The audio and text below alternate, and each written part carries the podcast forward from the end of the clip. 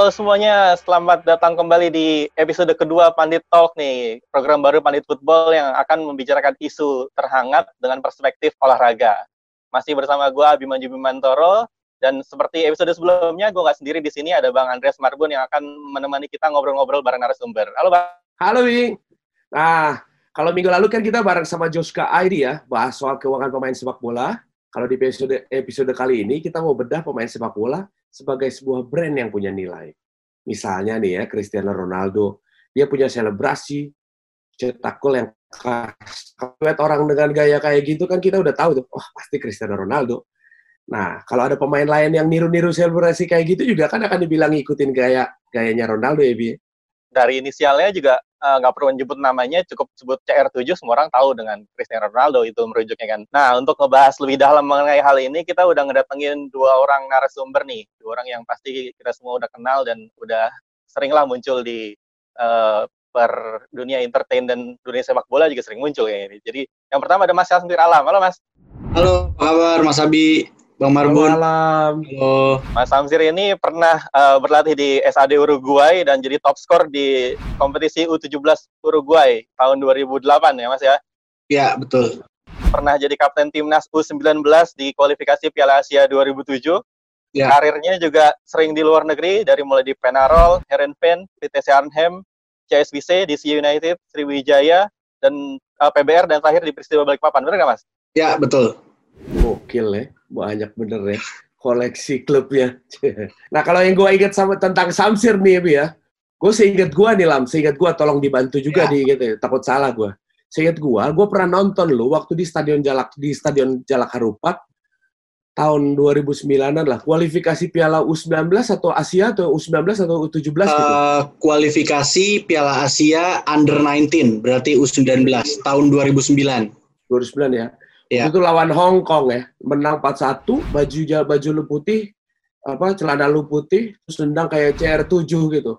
Ngambil tendangan bebas kayak kayak Cristiano Ronaldo gitu, Bi.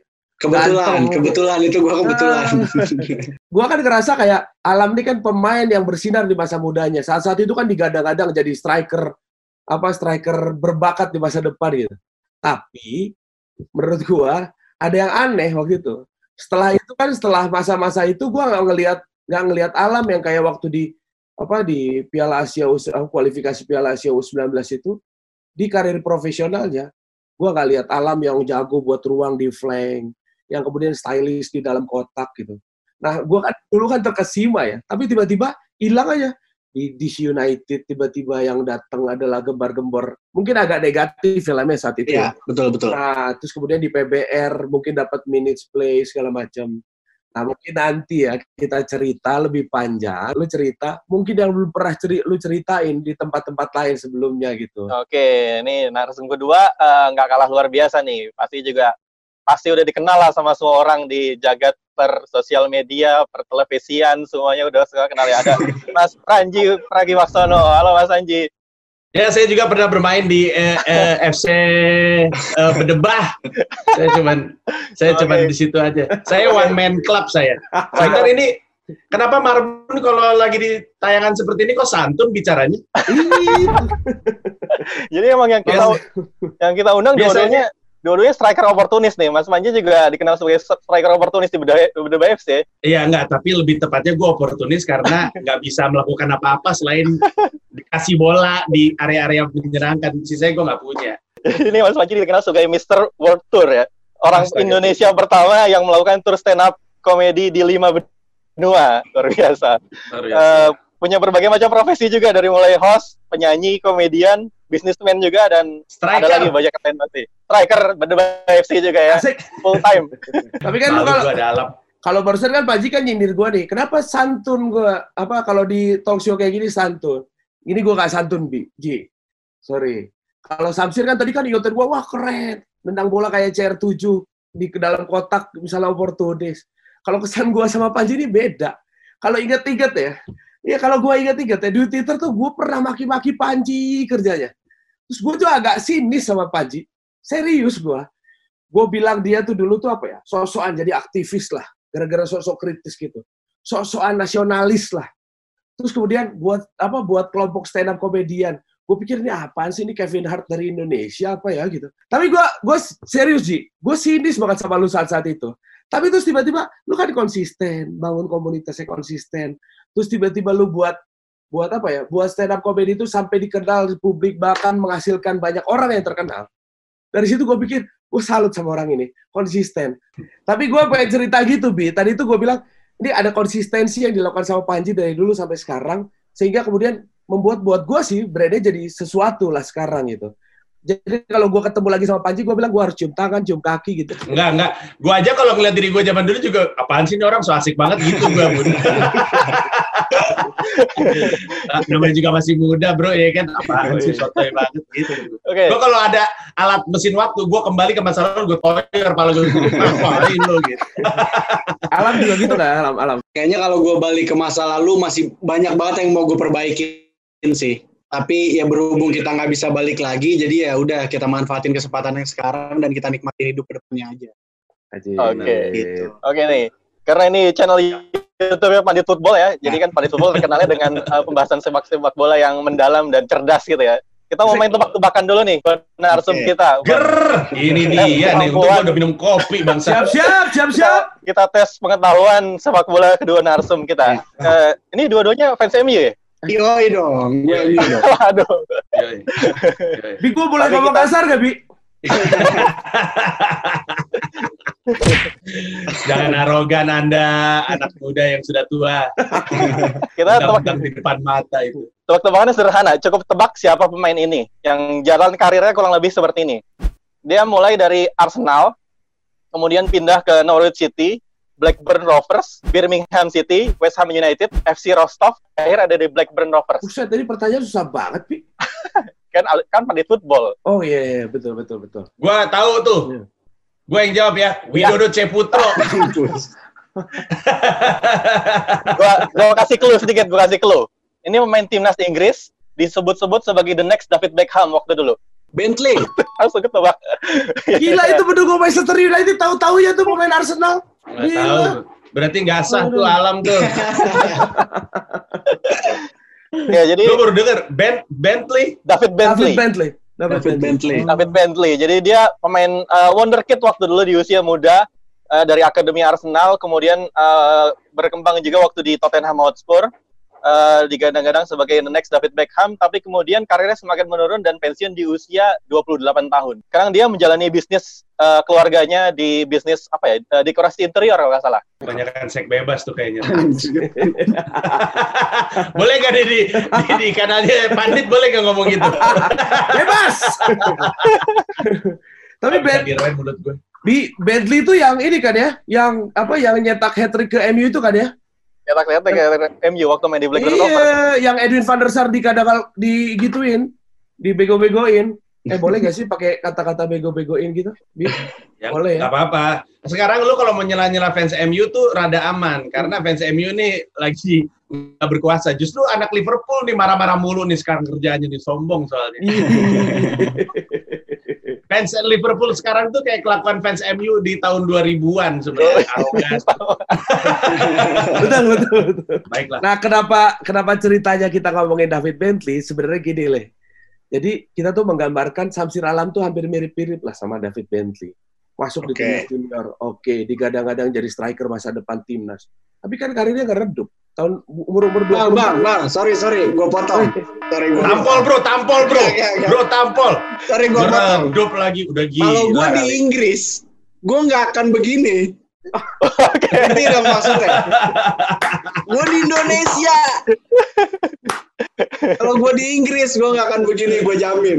Ini yang gue pengen sebenarnya di talk show ini. Alam cerita sebebas-bebasnya lah. Tapi itu kan menurut gue, Ya, makanya nanti oke. lu jawab lah. Benar. Gitu. Nah, ceritanya kan kalau David Bentley kan gantung sepatu 24 tahun. Terus 28 tahun kalau David Bentley. 28 ya, 28. Kalau Alam ya 24 itu kan ya. Ya, betul. 20 Alam. Benar nggak? Alam Iya. terakhir Persiba ya Alam ya. Persiba, Persiba. sama sebelum Mas Bima Sakti pensiun terakhir sama dia. Oh, bareng main bareng sama di Persiba Balikpapan sama apa eh, Mas Bima Iya. Sakti. Nah, ceritain lah kira-kira gimana sih sebenarnya kenapa sih waktu itu misalnya di United, se SVC, Kalau nggak salah CSVC ke DC United itu lu dipinjemin Iya, ya? pinjam. Statusnya ya? Dari CSVC ke DC United. Nah, gua sih pengen pengen lu cerita tentang karir lu, kenapa sih pendek-pendek sampai akhirnya kemudian memutuskan, eh udah deh gue berhenti jadi pemain bola Iya. gitu. Jadi eh awal cerita itu gue itu nggak mau, gue tidak berniat untuk menjadi pemain bola. Gue itu dari kecil malah dimasukinnya bulu tangkis sama bokap gitu, badminton. Masuk badminton, dulu rumah di daerah Kebonjeruk itu setelah latihan badminton gue suka main bola plastik yang gawangnya pakai sendal di dekat rumah. Ya kalau maghrib berhenti. Maghrib berhenti itu takut ada kolong wewe. ya udah jadi bokap balik kerja dia sering ngeliat nih gua main eh, bola plastik itu. Dia nanya, Alam suka main bola, ya udah dimasukin lah di eh, daerah Depok karena setelah itu nyokap bokap tuh divorce. Gue tinggal sama nyokap itu di rumah nenek di Depok. Ada namanya SSB Depok. Eh, SSB Depok ini anak dari sekolah sepak bola Asiop yang di Senayan. Dia anaknya tapi tetap dalam pengawasan eh, almarhum Roni Patina Sarani. Salah satu orang yang memang berjasa banget di karir sepak bola gue gitu. Gue latihan cuma setiap hari Minggu, eh, cuma hobi doang. Tiba-tiba Om Roni itu datangin bokap, nanyain kalau gue mau nggak latihan di Senayan gitu.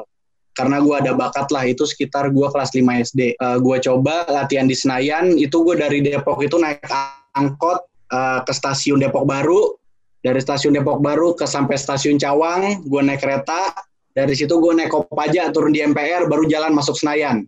Itu, itu belum, gue belum pernah cerita di mana-mana tuh. Dan makan siang gue sebelum latihan itu cuma tahu yang diplastikin itu yang ada cabai-cabainya. Itu makan siang gue sebelum latihan. Gitu. Jadi eh, waktu itu keadaannya lagi agak rumit karena bokap nyokap cerai, bokap harus eh, kerja lebih keras lagi. Eh, setelah gue latihan di situ sekitar dua bulan, gue stop karena nyokap bilang "Eh, uangnya kalau gue latihan terus itu ongkos segala macam nggak terlalu cukup nih ya udah gue berhenti gue berhenti bokap di situ kerja keras eh, kerja lebih keras lagi biar gue ada uang buat latihan dan setelah gue enam bulan setahun berhenti itu gue latihan lagi di situ baru eh, bokap nanya tuh gue sekitar kelas 6 SD bokap nanya lu mau jadi pemain bola atau jadi eh, atau sekolah gue langsung patenin gue mau jadi pemain bola. Ya, mulai karir uh, gue 2008 itu gue ke Uruguay. Alhamdulillah sempat 4-5 tahun. Sebenarnya gue itu nggak usah ikut seleksi mau ke Uruguay. Karena di umur gue yang 15 tahun gue udah main di under 19 di atas. Sementara teman-teman gue yang lain kayak Alan Marta, uh, Alvin Tua Salamoni dan lain-lain itu dia masih main di U15. Jadi gue udah senior ya udah lu aja di U19 masuk lu nggak usah seleksi lagi deh lu langsung ke Uruguay aja. Tapi gue nggak mau, gue takut tahu lah orang Indonesia ada omongan apa-apa apa segala macam. Gue sampai berangkat biaya sendiri, gue ke Surabaya. Harusnya gue seleksi Jakarta, di Jakarta itu seleksi udah tutup. Gue ke Surabaya kejar seleksi sendiri. Yang nyeleksi itu langsung pelatih dari Uruguay, pelatih gue Cesar Pasjovic. Gue kepilih, setelah itu kita uh, seleksi di Jakarta nasional. Alhamdulillah gue 25 anak yang kepilih ke Uruguay. Di situlah awal karir gue. Gitu. Itu seleksi SAD seleksi SAD Uruguay aja lah. Lu ikut di Surabaya nggak ikut yang di Jakarta? Enggak, regionalnya gue ikut di Surabaya. Karena di Jakarta, waktu udah seleksi di Jakarta, gue masih di Vietnam, di main U19. Jadi lu memutuskan untuk ikut seleksi biar nggak dibilang pemain titipan gitu? Oh iya, gue banyak dibilang gitu. Gue banyak dibilang pemain titipan karena om gue, om gue itu uh, kerja di TV One, Karni Ilyas. Dia temennya ya keluarga Bakri lah. Karena kenal itu, dibilang gue pemain titipan. Gue tanya balik lah sama yang bilang gue pemain titipan. Gue lawan Hong Kong, golin pakai kaki gue sendiri bro. Emang pemain Hong Kong disogok sama Bakri? Re realistis lah, ya gak sih? Berarti kalau bilang gue pemain titipan, lu nggak terima, lu sirik aja sama gue gitu. Gue top skor di Uruguay, nggak ada tuh orang Uruguay di disogok sama siapa pun, biar nggak usah ngejagain gue terus gue golin gitu. Enggak, gue ngaku di sini, gue yang bayar orang Uruguay, guys. gue gua mau terbuka di sini. Waktu itu gue yang bayar emang. Gue ngikutin Samsir Alam dari lama. Lu kasihan. Gue mau nanya saya visa sama DC United sebenarnya. Cuman kan kasihan Panji dianggurin. gue dari tadi gue mengagumi cerita-ceritanya Alam dari tadi gue lagi nyimak ini. Oke, okay. gue nanya dikit Lam. Ceritain Lam. Kan lu CSVC itu sebelum dari eh Ya, setelah, dari Uruguay. Dari ya? Peñarol. Oh, Per- Peñarol dulu ya, Atletico Peñarol, terus kemudian ke Ya. CSVC, lalu kemudian dipinjamkan ke DC Ya. United. Sempat bermain nggak sih di dua klub itu di CSVC atau di DC United? Dapat minutes play. CSV saya, CSV saya main di DC United lebih banyak main di reserve. Oh, di reserve. Oke. Iya. Terus kemudian DC United memutuskan untuk ngerilis lo. Jadi ceritanya tuh gini bang, eh gue masih di Peñarol, pemain yang berangkat ke CSV saya dulu adalah Ya- Yandi Sofyan, adanya Zainal Arif, Yeriko Christian Toko, sama Alvin Tua Salamoni. Mereka bertiga dulu, sementara gue ditinggal di Peñarol sama Zainal Haq, Lamongan itu ya? Lamongan. Eh, terakhir di Badak Lampung. Setelah enam bulan itu gue dikirim ke CSVC. Kebetulan kita tahu CSVC itu punyanya siapa. Oke, punya Jadi Om sekalian lah Mirwan. di ya sekalian lah ditaruh di situ lah buat biar anak-anak Indonesia ini berkembang. Setelah satu setengah tahun gue di CSVC, sebenarnya yang ditawarkan dulu untuk ke DC United itu adalah Yandi Sofyan, adanya Zainal Arif. Yang di Sofyan yang ditawarin di United. ya? Yandi Sofyan, gue enggak. Gue sedikit kaget karena Yandi Sofyan tidak dapat izin dari orang tuanya. Gue kaget banget tuh. Gue orang gue mikir pas itu gue bilang ini kalau gue yang dapat gue merem gue berangkat sih gue bilang. Terus tiba-tiba Yandi Sofyan enggak ditawarin lah ke gue. Gue tanpa pikir panjang ya gue berangkat gitu. Karena menurut gue kesempatan yang enggak lu ambil lu nggak tahu hasilnya apa gitu loh kan. Jadi kalau lu ambil lu tahu lu gagal atau lu berhasil gitu. Kalau lu nggak ambil ya lu bermimpi aja terus lu ngayal ini kalau gue ambil kayak gimana ya gitu. Ya udah gue berangkat ke DC United selama satu tahun di sana. Ji, lu inget gak Ji soal Samsir nih Ji? Lu waktu pas zaman mainnya, kalau menurut lu? Pernah inget gak lu Samsir ala main? Ingat gue, tapi gue juga bukan tipe orang yang tepat untuk ditanya soal sepak bola Indonesia ya. gue gak, dibandingin semua orang yang ada dalam forum ini, gue tidak sereligius kalian. Terba- gue aja nggak pu- nggak punya, gue tuh kalau ditanya eh, klub lokal favorit lu siapa, bingung gue jawabnya karena gue orang Jakarta, tapi gue kalau basket tuh Garuda Bandung. Maksud gue, gue tuh ke Bandung tuh deket banget gitu. Kalau waktu nonton Garuda Bandung sih, yang ingat zaman-zaman gue masih nonton di sana sih, gue rada militan.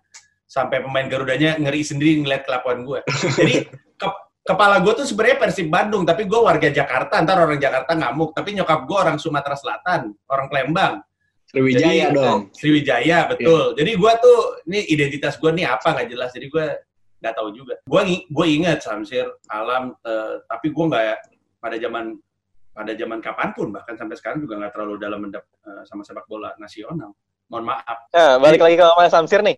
Eh, setelah pensiun di usia eh gantung sepatu di usia 24 tahun, kemudian banding setir ke eh, dunia entertain. Waktu itu apa Mas yang mendorong Samsir Alam ganting setir? sebenarnya eh, ada di satu titik gue tidak merasakan seperti gue lagi yang waktu gue di Uruguay gitu. Di Uruguay itu gue bener-bener jadi ya gue gitu. Itu susah loh. Teman-teman gue yang gue main lawan mereka itu ba- banyak udah di Eropa. Guillermo Varela, sekarang dia kayak nggak salah kalau salah main di Denmark deh. Eh, dia main di Real Madrid B terus pernah ke MU. Itu kalau mau latihan di Peñarol satu tempat duduk sama gue sama Jainal di sebelah itu mungkin bedanya gue orang Indonesia dia orang Uruguay karena gini ini realita jadi misal lu keluar negeri pemain Indonesia lu seleksi misalnya ada lima pemain seleksi. Dari Brazil dari Uruguay dari Togo dari Ghana dari Indonesia. Yang dari Indonesia ini belum tentu dilihat. Karena sepak bola lu masih di bawah gitu. Lu harus bekerja keras 3000 kali lipat dari yang dari Brazil. Yang Brazil kayak goyang dikit udah keren. Indonesia lu sampai goyang pala lu di bawah sampai kaki lu ke atas itu belum tentu dilihat. Jadi agak susah buat anak Indonesia yang dibilang sama uh, media cetak, media itu kayak Egi dibesar-besarin itu menurut gue beban ke pemainnya sendiri karena gue ngerasain gitu. Di saat gue lagi bener-bener naik kalau wartawan mau wawancara itu harus gue ladenin karena kalau enggak nanti gue dibilang sombong. Setelah gue ladenin adalah satu media cetak yang hubungannya baik ketika gue main gitu. Lah apa kabar? Gue layanin dengan baik. Tapi ketika gue menurun di satu media cetak itu poster gue gede di halaman depan dia nulis dong star syndrome. Itu gue enaknya sampai ubun-ubun gitu itu gue mau cerita ke Om Karni nih tapi nggak enak. Ini orang kerja kan cari makan buat anak istrinya. Gue takutnya tadi apa-apain ya gak sih? Cuma pemret media cetak gitu loh. Gue malas aja gitu. Tapi kenapa dulu hubungan lo sama gue baik? Lu minta berita selalu gue layanin. Tiba-tiba lu nulis muka gue star syndrome. Yang ngebuat gue kayak gitu siapa? Iya, maksud gue. Ntar kalau gue ngeladenin, gue dibilang sombong. Gue ngasih berita, ketika gue turun lu kayak gituin gitu. Bro, itu nggak kayaknya mereka mau nyari foto gue nggak nemu, terus karena kita mirip dia pakai foto lu. Ya, itu artikel tentang gua, Panji Star Syndrome. Oke, gue Di foto Panji susah nih yang bagus nih. Samsir alamat aja mungkinnya mirip gitu. Oke, oke. Jadi gue gak perlu sakit hati lah ya. Enggak, Bro, itu gue tuh, Bro sebenarnya. oke. Tapi Lam, gue pengen nanya ya, maksud gue Itu dialamin sama lu pas waktu di di Uruguay Eh, atau di Enggak. Ketika gue ini, ketika gue udah selesai main malah. Terakhir gue dari Persiba, tiba-tiba banyak lah orang yang ngomong star syndrome, star syndrome. Menurut gue enggak sih. Yang lucunya orang Indonesia gini. Gue waktu itu gue lagi main di DC United. Gue udah berasa pemain dunia tuh. Eh, naik eh, Emirates. Yang paling depan lah tuh dekat pilot duduknya kan. Yang lega tuh bangkunya. Dari Washington itu gue terbang ke Qatar, transit langsung ke Bali. Yoi, lewat. CR CR7 lewat, Bro. Lewat. CR7 cuma bisa gratis ongkir. Cuma bisa gitu doang dia. setelah gue udah di iklan salah satu minuman produk itu orang Indonesia langsung bilang alah lu artis lu segala macam artis lu ya enggak lah gue di kontrak minuman iklan itu karena gue jago main bola itu David Beckham ada berapa puluh iklannya kan bu nggak ngebuat dia jadi artis gitu loh. Orang Indonesia masih tidak terbuka sama itu sama pemain Indonesia. Banyak yang malu ketika tampil di kamera. Habis bertanding lu main bagus mau diwawancara lu malu. Harusnya lu berani ngomong karena kan lu main bola nggak selamanya. Gitu, kalau orang udah tahu lu pinter ngomong lu di kamera juga santai atau apa jadi kan ada job yang lain nih nanti setelah lu main bola gitu. Pertama kali masuk ke dunia entertain, eh, host di dahsyat, di, dahsyat ya, apa di langsung kemarin ya waktu itu lagi berhenti tiba-tiba dahsyat ngajakin lah tuh kan ya Gua udah, ing- gua- ingat tuh hiruk pikuk itu tuh, Pi. Gua ingat hiruk pikuk itu ya. Itu ceritanya nggak tahu ya ini tolong diklarifikasi. Ini Oke. ini kan gosip, gosip yang beredar. oke Samsir Alam ditawarin, kan kemudian katanya manajemen lu melarang karena dianggap entah angkanya terlalu kecil lah, entah entah kemudian belum pas lah waktunya atau gimana gitu. Intinya ada pelarangan tapi lu nekat gitu. ya itu itu terjadi di saat pembekuan Oh, pembukaan Nah, PSSI. pembekuan liga dari manajemen bola gue melarang tapi gue berpikir gue nggak mungkin cuma di rumah menghayal kapan bola jalan lagi segala macam sementara gue gue harus ngidupin adik gue ya udah mau nggak mau ya gue sebagai laki-laki ya gue terjun lah karena bokap gue ngajarin apa pun kesempatan yang ada di depan lo ya lo ambil aja selama itu halal dan tidak merugikan orang lain ya udah kan nggak ada salahnya Sekarang eh lu udah jadi entertainer lah. Ada gak sih pengaruh waktu lu zaman masih main bola terus ke dunia entertainment sekarang gitu? Ada gak sih? Eh, pengaruh sih pengaruh. Tapi eh, pengaruhnya positif juga banyak tapi negatifnya itu kayak contoh di Instagram. Gue kan host eh, di adventure kan. Itu gue foto My trip. my trip my adventure. Asik. itu gue foto di lokasi yang keren-kerennya udah keren banget deh. Itu like gue tidak sebanyak ketika gue foto pakai baju timnas yang lagi ngapain aja. Nggak sebanyak itu.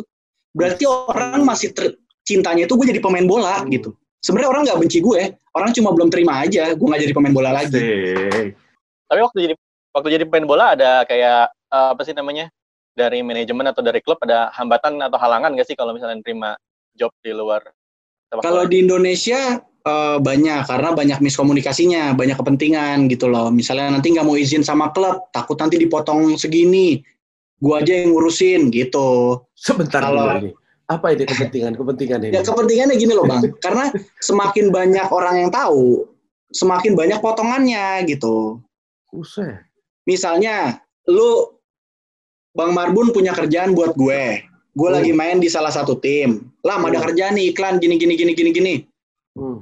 bisa gak tuh misalnya lu eh, cobalah cari yang hari libur tapi nggak bisa bang bentrok sama latihan lu gimana ya mau nggak mau lu harus izin ke klubnya Hmm. nah lu izin ke klubnya biar dia misalnya mau ngizinin ya mungkin ada potongan-potongannya lagi gitu jadi tadi misalnya harus harusnya buat lu 40% ya lu terima lah 20% Kalau kalau sekarang nih Lam ya, sebelum nanti Ya. kita geser ke Panji, ini di sela dulu.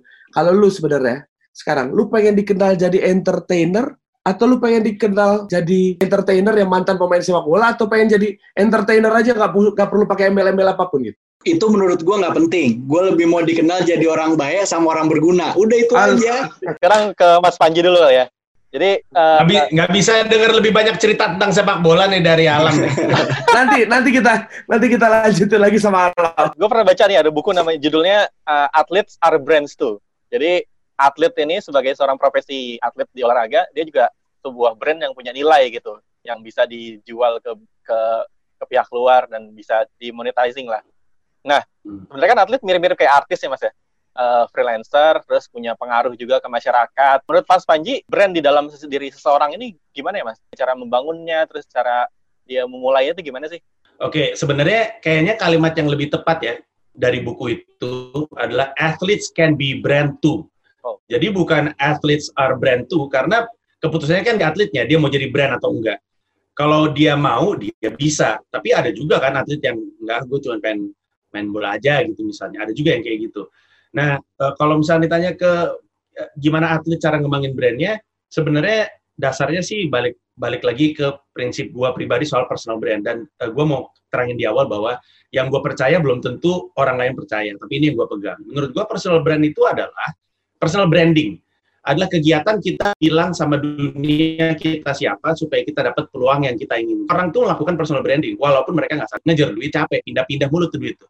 Setiap kali kita samperin duit pindah, kita kejar ntar dia pindah, ngejar duit itu capek. Bahkan kadang-kadang dicari-cari kagak nemu. Lebih enak duit nyamperin kita kan. Tapi kan duit cuma nyamperin kita atau peluang cuma nyamperin kita kalau dia mengenali kita siapa. Nah makanya supaya kita dapat peluang yang kita inginkan kita bilang lah kita yang yang kita pengen tuh apa. E, nanti gue ambil contoh sama apa yang tadi e, alam lakuin yang menurut gue menarik. Gue gak tahu dia sadar atau enggak.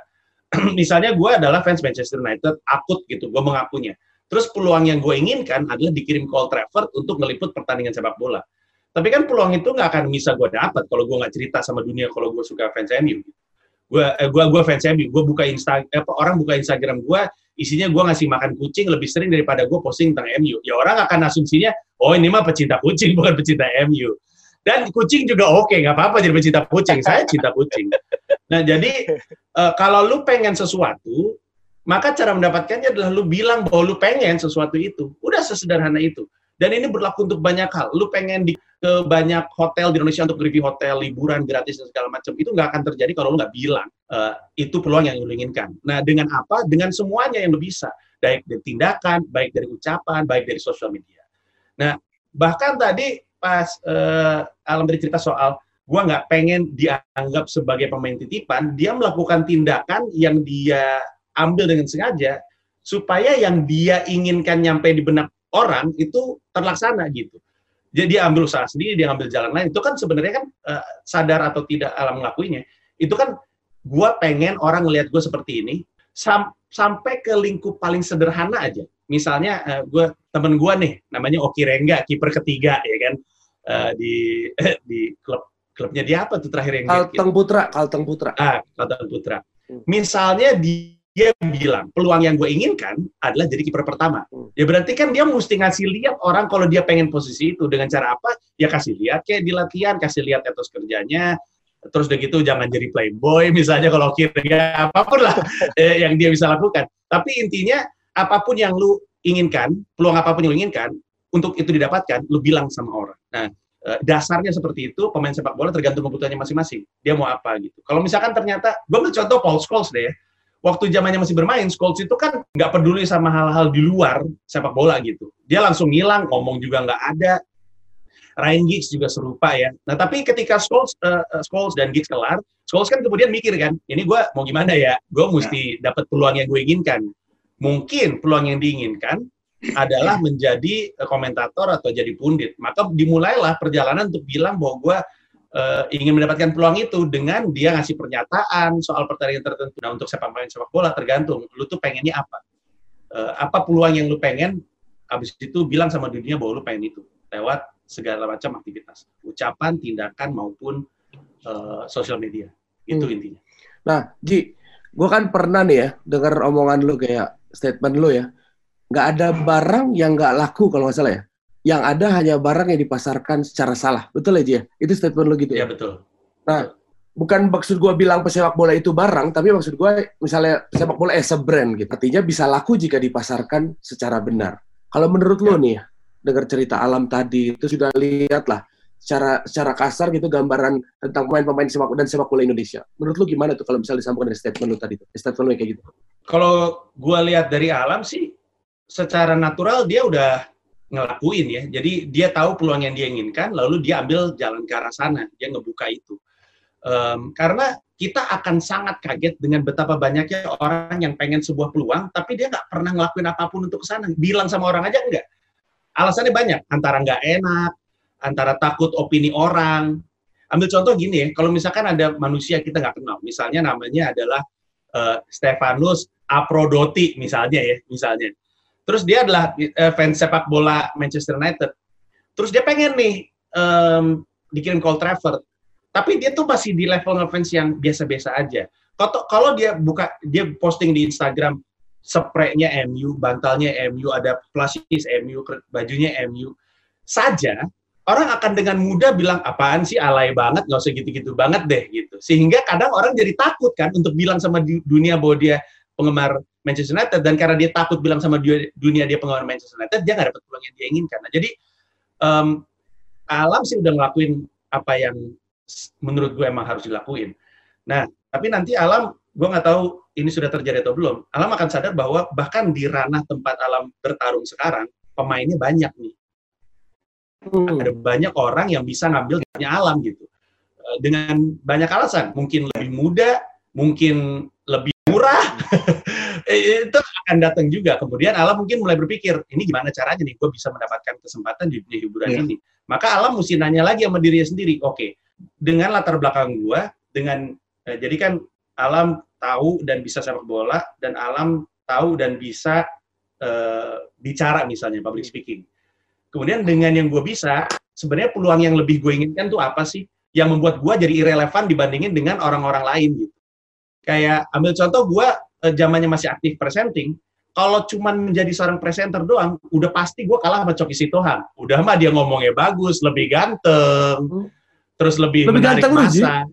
Tidak, Serius? saya pun percaya Coki okay. Sitohang lebih tampan daripada saya. Oh. Saya percaya itu. Oke, okay, oke. Okay. Jadi gue bilang kan, gue bilang bahwa gue bilang bahwa kayaknya ada satu area presenting yang Coki mungkin nggak main di sana, yaitu presenter yang mau ngomongin politik, yang nyaman dengan politik. Maka gue ambil perjalanan ke sana, gue buka opini politik gue di sosial media, dan akhirnya peluang itu didapatkan dengan provokatif proaktif, waktu itu di Metro TV, dan seterusnya. Nah, jadi alam ketika udah berat, berada di uh, dunia hiburan dan pertarungannya beda lagi, nanti alam akan berpikir, kalau gue mau menjadikan persaingan itu irrelevan, gue harus ngambil posisi apa ya? Personal brand apa nih yang gue ciptakan sehingga mungkin masih ada pesaing, tapi pesaingnya nggak kayak sekarang. Kalau misalkan cuma jadi presenter yang mau disuruh ke alam, banyak kan. Tapi nanti mungkin uh, alam akan bikin lebih, uh, maksudnya samsir alam, bukan alam alam dunia gitu. Mesti bikin potongannya lebih spesifik lagi sehingga petarung yang bermain dengan dia lebih sedikit dan mungkin kuenya jadi nggak segede kalau dia main sekarang, tapi mungkin juga jadi lebih uh, fulfilling untuk alam karena nah ini gue lebih karakter gue nih gue lebih nyaman main di sini. Maksud lu tuh dibuat diferensiasi gitu sama pemain-pemain yang lain gitu? Iya, karena gue percaya sedikit lebih beda lebih baik daripada sedikit lebih baik. Asik. Karena kalau skill presenting beda-beda tipis lah ya. Tapi kalau misalnya kita secara warna kelihatan beda, orang akan notice gitu. Dan sebenarnya contohnya udah ada banyak. Uh, for the lack of a better example, gue mau ngambil Valen banyak yang nggak suka kan sama Valen Tapi sulit sekali untuk kita bilang bahwa Valen tuh tidak beda. Dia beda banget gitu. Ke, ke kesediaannya untuk menjadi beda itu ngasih keuntungan untuk dia sekarang. Nah mungkin perbedaannya Valen bukan tipe perbedaan yang Alam mau ambil. Alam mesti nyari yang lain. Dibutuhkan keberanian dan gue yakin seorang Samsir Alam nggak ada urusan sama nyali lah ya udah pasti. Karena emang dibutuhkan keberanian untuk mau ngambil resiko. Karena jadi beda tuh beresiko mungkin waktu main di sepak bola juga itu udah dirasakan. Sedikit lebih beda kan lebih baik karena menjadi beda membuat kita mudah ditemukan. Di sisi lain sedikit lebih baik itu tipis-tipis doang mah nggak ada yang nggak ada yang notice gitu. Hmm. itulah kira-kira. Nah gue pengen aja yang spesifik soal pemain bola nih Ji. Masih banyak ya pemain bola yang nggak aware seperti alam gitu. Kalau misalnya lu lihat uh, lanskapnya pemain bola sekarang dari umur apa segala macam sekarang tuh banyak orang yang masuk karir profesional masih sangat muda. Beda sama kayak alam dulu gitu. Karena sekarang kan terakhir-terakhir kan ada timnas U19 zaman Evan Dimas itu. Terus kemudian timnas U17 U15 yang sekarang. Mereka tiba-tiba langsung masuk di karir profesional. Tapi nggak menurut gua dalam beberapa hal mereka bisa dianggap nggak siap ya dengan soal personal branding, bagaimana harus menampilkan dirinya. Kadang-kadang wawancara masih seenaknya gitu. Turun dari bis pakai sendal jepit, pakai apa gitu sangat gak ngerti gitu dengan ngomongin personal branding gitu. Nah, menurut apa? Gue pengen nanya sama lu gitu. Siapa tahu kan ini kan didengar juga sama para pemain-pemain bola itu gitu. Nah, gue sih berharap lu kayak ngasih pesan gitu atau ngasih ngasih wejangan lah, cadap, wejangan buat para pemain-pemain bola yang sekarang masih dalam usia muda itu udah tapi udah pada masuk di karir profesionalnya mereka loh sih. Um, pertama-tama gue mau uh, taruh di atas meja bahwa keputusan untuk mengelola personal brand itu dibalikin ke orang masing-masing. Ada yang mau, ada yang enggak, ada yang nyaman, ada yang enggak. Nah itu satu terserah. Hmm. Tapi gue mau ngasih cara pandang baru. Manusia itu secara fisiologis tuh butuh keseimbangan. Kita didesain butuh keseimbangan. Kita tuh mencari keseimbangan. Dan kalau kita nggak dapat keseimbangan, kita ngubek bagaimana cari supaya dapat. Ambil contoh secara fisiologis, kalau kita berdiri ngangkat satu kaki, badan kita mau nggak mau akan mencoba untuk menyesuaikan diri. Kalau ada yang salah dengan indera pendengaran kita atau cairan yang ada di sini tuh kita tuh limbung gitu. Kita tuh butuh keseimbangan. Kaitannya apa personal, uh, kaitannya apa sama personal branding? Kalau orang ngelihat Marbun pertama kali, kemudian dia nggak kenal Marbun, yang dia lihat fisiknya Marbun itu 50% informasi tentang Marbun. Masih ada 50% yang nggak ada, yaitu personality. Nah, orang karena secara fisiologis mencari keseimbangan, dia akan mengisi 50% itu dengan asumsi. Nah ini yang akan jadi bahaya untuk pemain sepak bola. Jadi dia ngeliat Marbun nih, fisiknya kayak gitu. Dia belum kenal, belum pernah ngomong sama Marbun, tapi karena dia ngeliat fisiknya kayak gitu, otaknya langsung berasumsi, kayaknya si anjing penjahat nih, gitu, bandit gitu misalnya gitu. Nah itu kan bahaya kan, kalau ternyata 50% asumsinya, itu salah dengan yang kenyataan. Nah kenapa personal branding ini sebaiknya dipikirkan pemain sepak bola? Karena lu hidup di dunia yang penuh dan bising dengan opini, yang belum tentu benar. Nah, lu punya pilihan. Lu mau biarin masyarakat mau mengisi 50%-nya dengan asumsi sendiri, atau lu mau bilang sama orang, lu siapa, supaya orang tahu dan nggak perlu ngisi dengan hayalan mereka tentang tentang 50% kekosongannya. Nah, kalau misalkan lu merasa itu penting, bahwa lu nggak pengen orang berasumsi yang gangga tentang kepribadian lu, tentang personality lu, maka lu harus mulai mikirin personal branding. Dan personal branding itu sangat nggak susah gitu. Terutama untuk yang kenal dirinya siapa ya. Lu hanya perlu untuk bilang, gue nih seperti ini. Udah, nggak mesti dibikin, nggak mesti dicipta, bahkan nggak mesti distrategiin. Lu hanya perlu secara rutin bilang lu tuh siapa. Dan bermitralah dengan teman lu, dengan sahabat lu yang mau melakukannya untuk lu. Mungkin lu punya teman, lu mungkin punya keluarga, dia yang bantu cerita sama dunia, uh, lu tuh seperti apa. Dalam rangka menghindari asumsi masyarakat. Contoh, contoh nih, misalnya ada seorang pemain sepak bola, dia masuk restoran fast food ada orang lain ngeliat. Orang lain ngeliat, yang dia lihat kan cuma kegiatannya. Dia nggak tahu yang kejadian sebenarnya. Maka dia isi dengan asumsi 50% sisanya. Dia bilang, masa pemain sepak bola profesional makannya begituan? Gitu kan. Nah, kalau misalkan itu penting bagi si pemain sepak bola ini, maka datanglah ke situ dengan teman atau setidaknya cerita gue hari ini lagi nemenin gue nggak makan di sini karena gue lagi on diet lagi dijaga tapi teman gue lapar banget gitu sesederhana itu aja personal branding lo lakukan untuk membuat orang tidak berasumsi yang aneh-aneh tentang lo. Maka lo cerita. Udah gitu doang. Kalau lo nggak peduli dengan apa kata-kata orang, nggak apa-apa juga.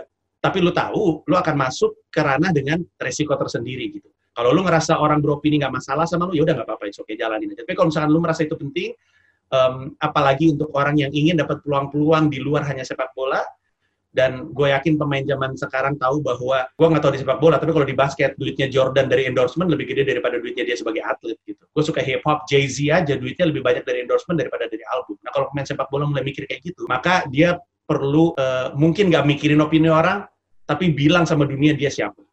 Menurut gue sih seperti itu.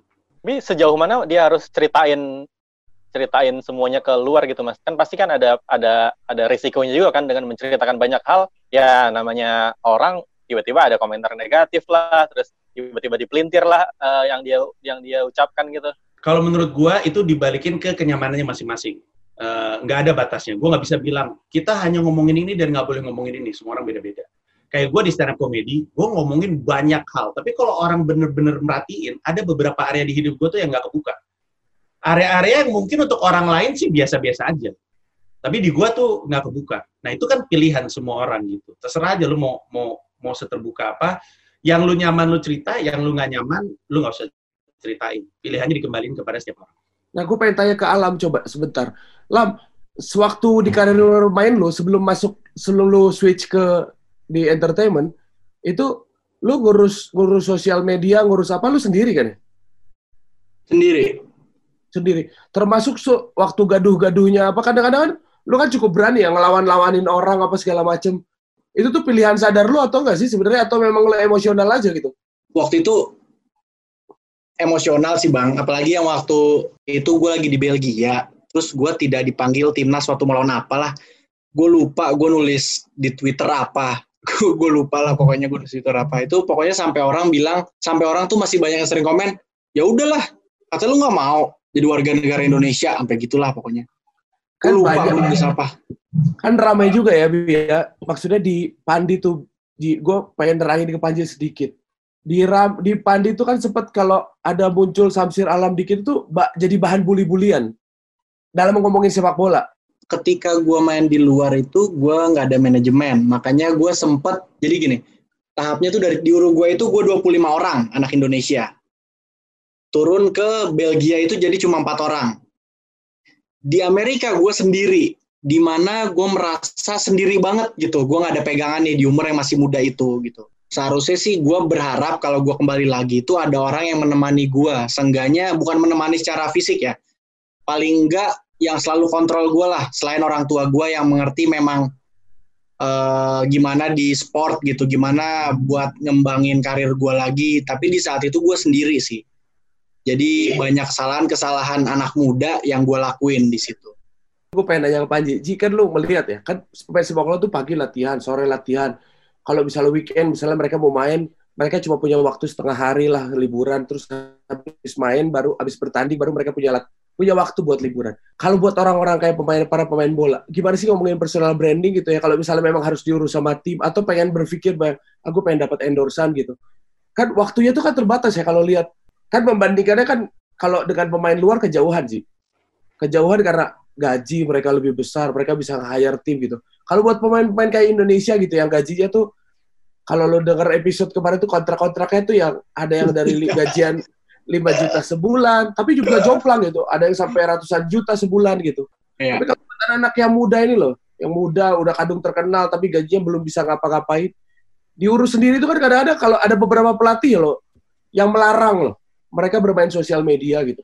Di seingat gua ya, eh, tanpa harus menyebutkan nama gitu, waktu mau eh mau gue sebutin nama gitu, dia melarang Keluar juga. melarang melarang pemain-pemainnya waktu itu. Tapi dalam kurun waktu, gue ngerti maksudnya apa, biar fokus gitu. Tapi kalau misalnya dalam konteks ngomongin personal branding, seberapa segimana sih yang mereka harus lakukan di tengah keterbatasan mereka dilarang sama pelatih atau mereka nggak punya waktu gitu loh. Oke, pertama sih gue ngerasa pemain sepak bola yang zaman sekarang harusnya lebih digital native daripada yang zaman dulu. Ya. Maksud gue, eh eh, Samsir Alam tidak jauh-jauh banget, tapi internet zaman dia dan internet zaman sekarang beda sekali gue rasa. Iya. Eh, perilakunya juga beda, terus udah gitu eh, budayanya beda, beda.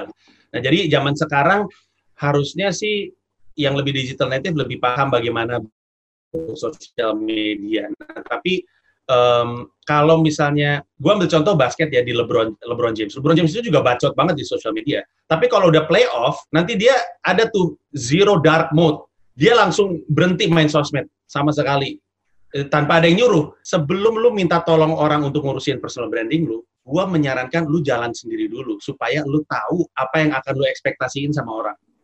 Karena kalau misalkan enggak, dan ini termasuk eh, managing career ya, Eh, kalau enggak nanti lu akan dibawa yang enggak-enggak. Di dunia hiburan tuh banyak banget loh artis yang duitnya dibawa kabur manajer.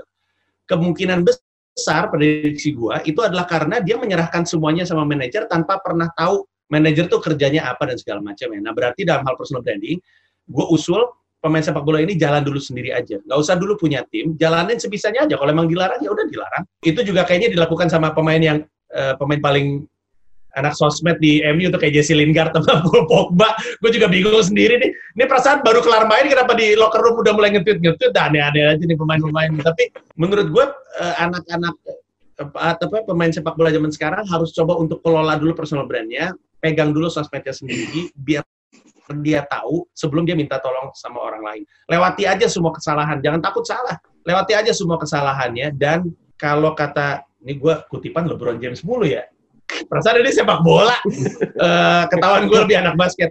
Tapi Le- LeBron James tuh ngambil kutipan dari seorang presiden Amerika Serikat eh, tentang the man in the arena.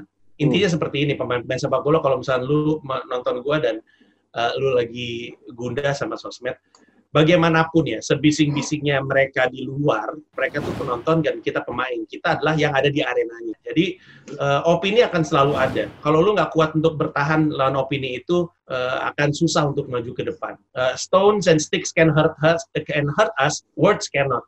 Uh, tersinggung itu tidak diberikan tapi diterima. Kalau orang ngomong sesuatu yeah. dan lu memutuskan lu nggak mau tersinggung, lu nggak akan tersinggung.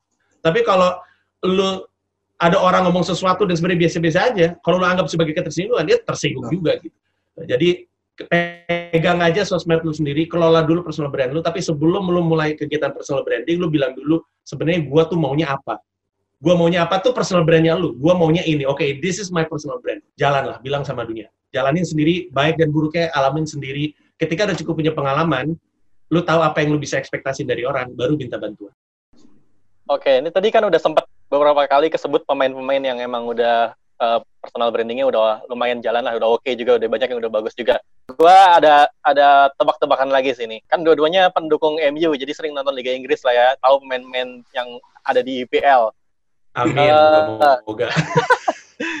Kalau menurut Mas Samsir Alam sama Mas Panji, siapa pemain Liga Inggris yang total endorse yang dia dapat di tahun 2019 di Instagram itu paling tinggi? Di Instagram? Iya, Instagram doang. Gue juga, gue gue mau prediksi Pogba, tapi gue curiga ini pertanyaan jebakan nih bro. Iya, Kayaknya jebakan nih, coba gue mikir dulu ya. Mikir. Ada dua sebenarnya, dua-dua terbesar lah. Dua-duanya ada di, di klub besar. Pasti, soalnya salah satu kan MU pasti kan. Tuh pemain di MU pasti salah satunya. Astagfirullahaladzim. MU peringkat lima loh. Kenapa? Kenapa asosiasi klub besar harus MU sih? Gila apa ini orang-orang? Karena lu ngomong sama kami. Salah ini kita ngundang bintang tamu semuanya penggemar Manchester United. Lu ngundangnya Valen bang. Sama kayak gue. gue Pogba juga deh, gue Pogba juga deh. Satunya lagi gue nggak tahu deh, nggak ada bayangan. Yang peringkat pertamanya sebenarnya main Arsenal, peringkat keduanya pemain MU, tapi bukan Pogba juga. Jadi peringkat pertamanya itu adalah Dani Ceballos. Dia dia pemain dengan pendapatan dari Instagram uh, paling besar di tahun 2019. Bahkan di masa pandemi ini dia juga main Liga Inggris yang pemasukan dari Instagram paling besar Dani Ceballos. Yang kedua adalah pemain MU Andres Pereira. Jadi ada apa ya? Ini fakta yang kita juga nemuinnya kaget juga sih. Wah, ini menarik juga nih. Ternyata pemasukan dari Instagram itu nggak selalu selamanya berbanding lurus dengan jumlah followers atau sama uh, prestasi di lapangan bahkan gitu. Jadi uh, followersnya Dani Ceballos cuma sepertiga dari followersnya Paul Pogba. Tuh, tapi ternyata pemasukannya lebih besar dari Paul Pogba gitu. Bro, tapi tar lu bentar gue potong. Beda mungkin. Mungkin Sebalos semuanya dihajar dan harganya murah. Mungkin kalau lu lihat 2019 instastorynya Sebalos itu uh, mungkin lu titik-titik-titik ada pemutih, semua obat ketek gitu kan. betul, betul, betul. Diterima sangat gak. Sangat sangat Nah ini ini pertanyaan selanjutnya yang pengen gue tanyain sebenarnya ke Mas Panji Mas Amir Alam. Sejauh mana nih uh, sebaiknya kita mengambil eh, konten-konten yang berbayar yang endorse seperti itu? Sejauh mana sih sebaiknya kita boleh ngambil?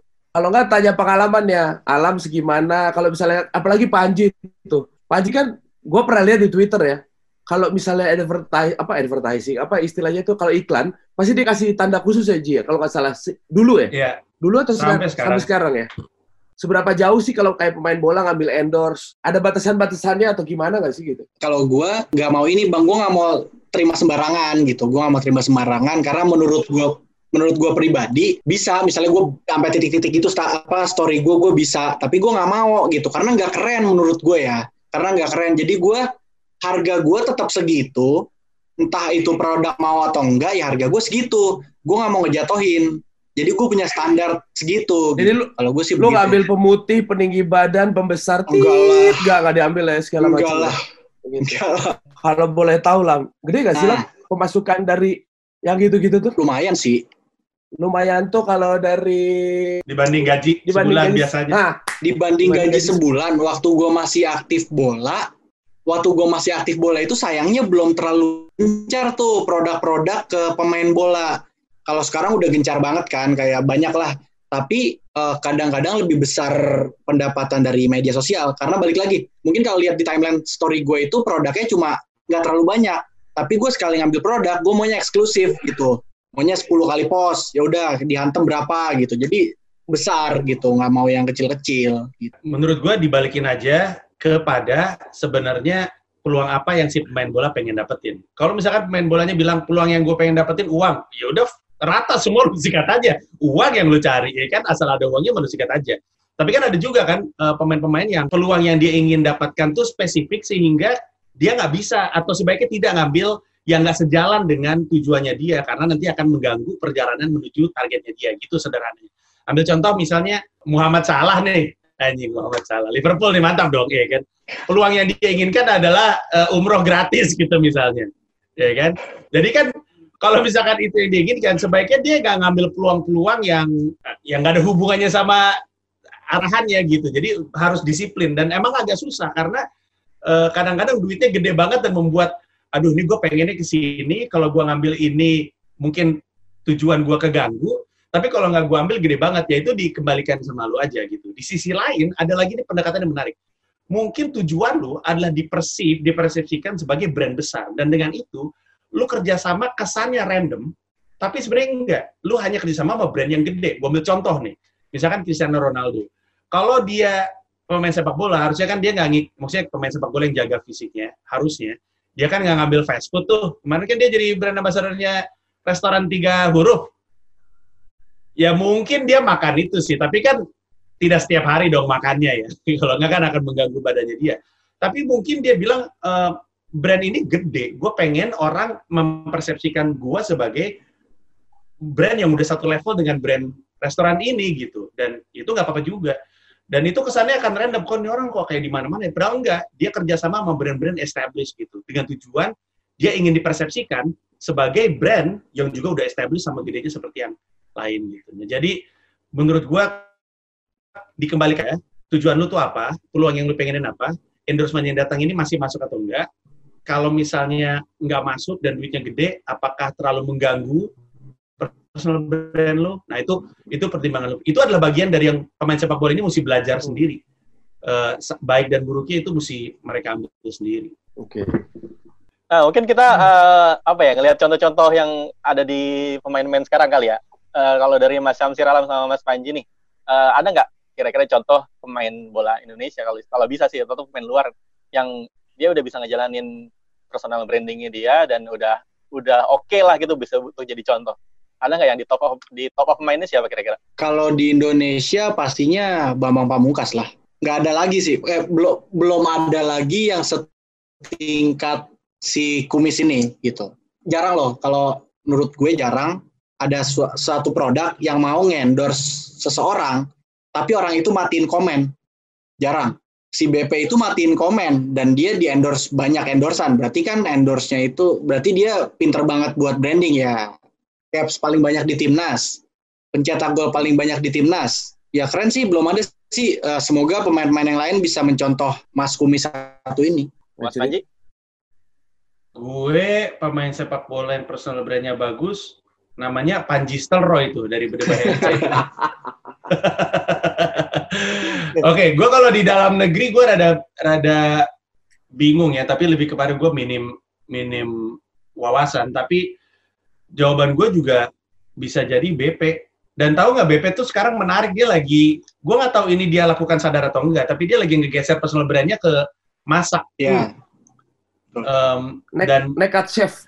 Nekat chef. Iya, nekat chef. Hmm. Dan itu menarik ya. Dan uh, tadi yang Alam bilang juga benar soal BP. BP itu kan terkenal nggak mau nggak mau doorstop, nggak mau presscon, apa pun yang lu mau tahu tentang gue itu udah ada di blog gue lu baca aja di situ. Kalau misalkan nggak ada di blog gue ya berarti lu ngarang-ngarang sendiri itu bukan dari mulut gue gitu. Tadi yang Samsuri Alam cerita bahwa kalau nggak mau diwawancara takut dianggap sombong, itu juga resiko yang diterima sama BP dan memang ada masanya BP juga dianggap seperti itu. Gue tahu kok ada ada media yang nggak suka sama BP juga tahu gue dan BP juga nggak tahu peduli nggak tahu enggak ya.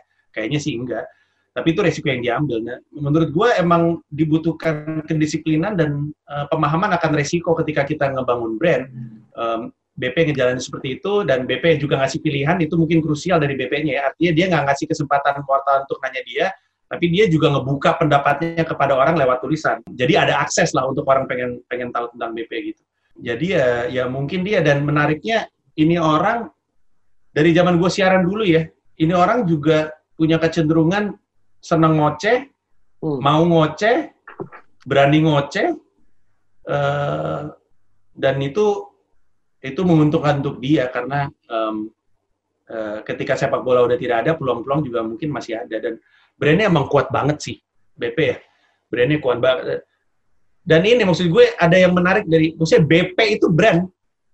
BP 20 itu brand gitu. Uh, bukan Bambang Pamungkas brandnya. Brandnya itu BP 20 tuh. BP aja itu itu brand menurut gue. Jadi ya eh, selebrasinya dia yang begitu itu juga itu juga brand gitu. Jadi gua rasa mungkin dia lakukan dengan sadar dengan ngelihat pemain-pemain emang rata-rata kayak gitu tapi emang dia sih bagus. Sisanya gua masih berpendapat Panji Stelroy itu brilian sekali. Dia personal personal brandnya saking bagusnya orang mikir dia bisa main bola padahal tidak. Tapi tadi sempat disinggung uh, eh, BP yang sempat berubah personal branding kan dari pemain bola terus ke, ke, ke jadi chef gitu ya. Jadi hmm. uh, wajar atau salah nggak sih mas? Tiba-tiba ketika kita udah ngebangun personal branding ke ke A terus tiba-tiba berubah haluan atau berganti gitu? Enggak, karena gue yakin satu orang nggak mungkin hanya satu hal. Maksudnya, uh, eh, gue adalah pelawak, tapi gue juga bapak. Gue juga seorang ayah, eh, eh, suami gitu kan. Jadi, layer kita tuh banyak. Sekarang per pertanyaannya adalah, pada masa seperti ini, layer mana yang mau kita dorong ke depan? Atas, dalam rangka peluang apa yang kita pengen dapatkan gitu. Jadi ya, gimana kita maju-majuin layernya kita aja. Dan saat ini ketika BP pindahnya ke masak, ya mungkin itu yang ingin dia lakukan, karena itu bagian dirinya dia. Kalau seseorang nggak bisa berubah brandnya, si restoran tiga huruf tadi nggak akan ada, karena yang mendirikan dulunya tentara. Kalau dia pensiun dan tetap personal brandnya tentara dan nggak masak ayam, nggak ada tuh restoran yang kita lihat sekarang gitu. Jadi semua orang mah bebas-bebas aja menurut gue. Selama dia, gue menyarankan, selama dia tidak berbohong akan personal brandnya karena ada kecenderungan orang bisa bohong misalnya setelah jadi pemain bola gue pengen dipersepsikan sebagai bad boy gitu ya hmm. supaya gue dapat peluang yang gue inginkan dikasih motor-motor yang brandnya bad boy segala macam padahal dia nggak bad boy dia soleh gitu. di, di pesawat juga perjalanan pesawat 15 jam ke Jerman sholat nggak putus gitu misalnya ya jangan bohong untuk mendapatkan peluang yang lu inginkan karena zaman sekarang bohong nggak mengetahuan di sosmed gitu menurut gue gini kalau misalnya teman-teman dari sepak bola pengen punya peluang-peluang lain gitu ya, pengen dapat pengen melakukan personal branding untuk mendapatkan peluang-peluang lain di luar sepak bola. Menurut gue teman-teman mesti sadar satu hal. Misalnya gini, bisa ngelawak dan bisa hidup dari lawak itu dua hal yang berbeda. Hmm. Ya. Karena bisa ngelawak, ilmunya untuk bisa lawak adalah ilmu lawak. Tapi ilmu hidup dari lawak itu bisa beda sama sekali. Sama kayak bisa bikin kopi enak sama bisa bikin kafe itu dua hal yang berbeda. Kayak bisa foto dan bisa hidup dari moto dua hal yang berbeda. Uh, makanya gue usul uh, teman-teman pemain sepak bola yang lagi menyaksikan, um, lu kalau bisa disiplinkan diri lu untuk belajar sesuatu di luar yang lu suka. Miliki kebiasaan lain. Gue ambil contoh, bisa bikin kopi belum tentu bisa bikin kafe. Kalau suatu hari lu pengen bikin kafe, dan lu nggak mau belajar gimana cara bikin kafe, kafe lu tuh bubar jalan gitu. Hanya dengan wawasan, setiap kali gue bikin kopi, orang bilang enak kok gitu. Karena ketika bikin kafe ada HRD, ada akuntansi, ada listrik, ada segala macam gitu. Jadi teman-teman uh, pelajari ilmu yang akan berkaitan dengan uh, kesukaan lu, bukan cuma kesukaan lu aja. Uh, dan gue tahu waktunya akan susah, alasan tuh selalu ada. Tapi seperti yang teman-teman pemain sepak bola tahu, di antara semua orang di dunia ada yang berhasil dan ada yang tidak. Gue tuh selalu curiga yang berhasil tuh orang yang menolak menjadikan waktu sebagai alasan, menjadikan uang sebagai alasan aduh gue gak ada uang, aduh gue gak ada waktu. Semua orang juga hidup 24 jam sehari, 7 hari seminggu, dan seterusnya. Tapi yang lain bisa. Nah, kalau lu menolak untuk menggunakan itu sebagai alasan, lu akan selalu memperjuangkan waktu, lu bisa cari waktu untuk belajar hal-hal yang akan mendukung uh, kehidupan lu gitu. Di luar keilmuan yang lu punya sekarang. Itu dari gue. Kalau dari gue sih buat apa teman-teman, buat rekan-rekan yang uh, pemain bola, berani mengekspresikan diri lu aja gitu. Kadang kadang kebanyakan dari teman-teman gue itu pemalu gitu loh karena biasanya bermain bola dia nggak tahu kamera di mana.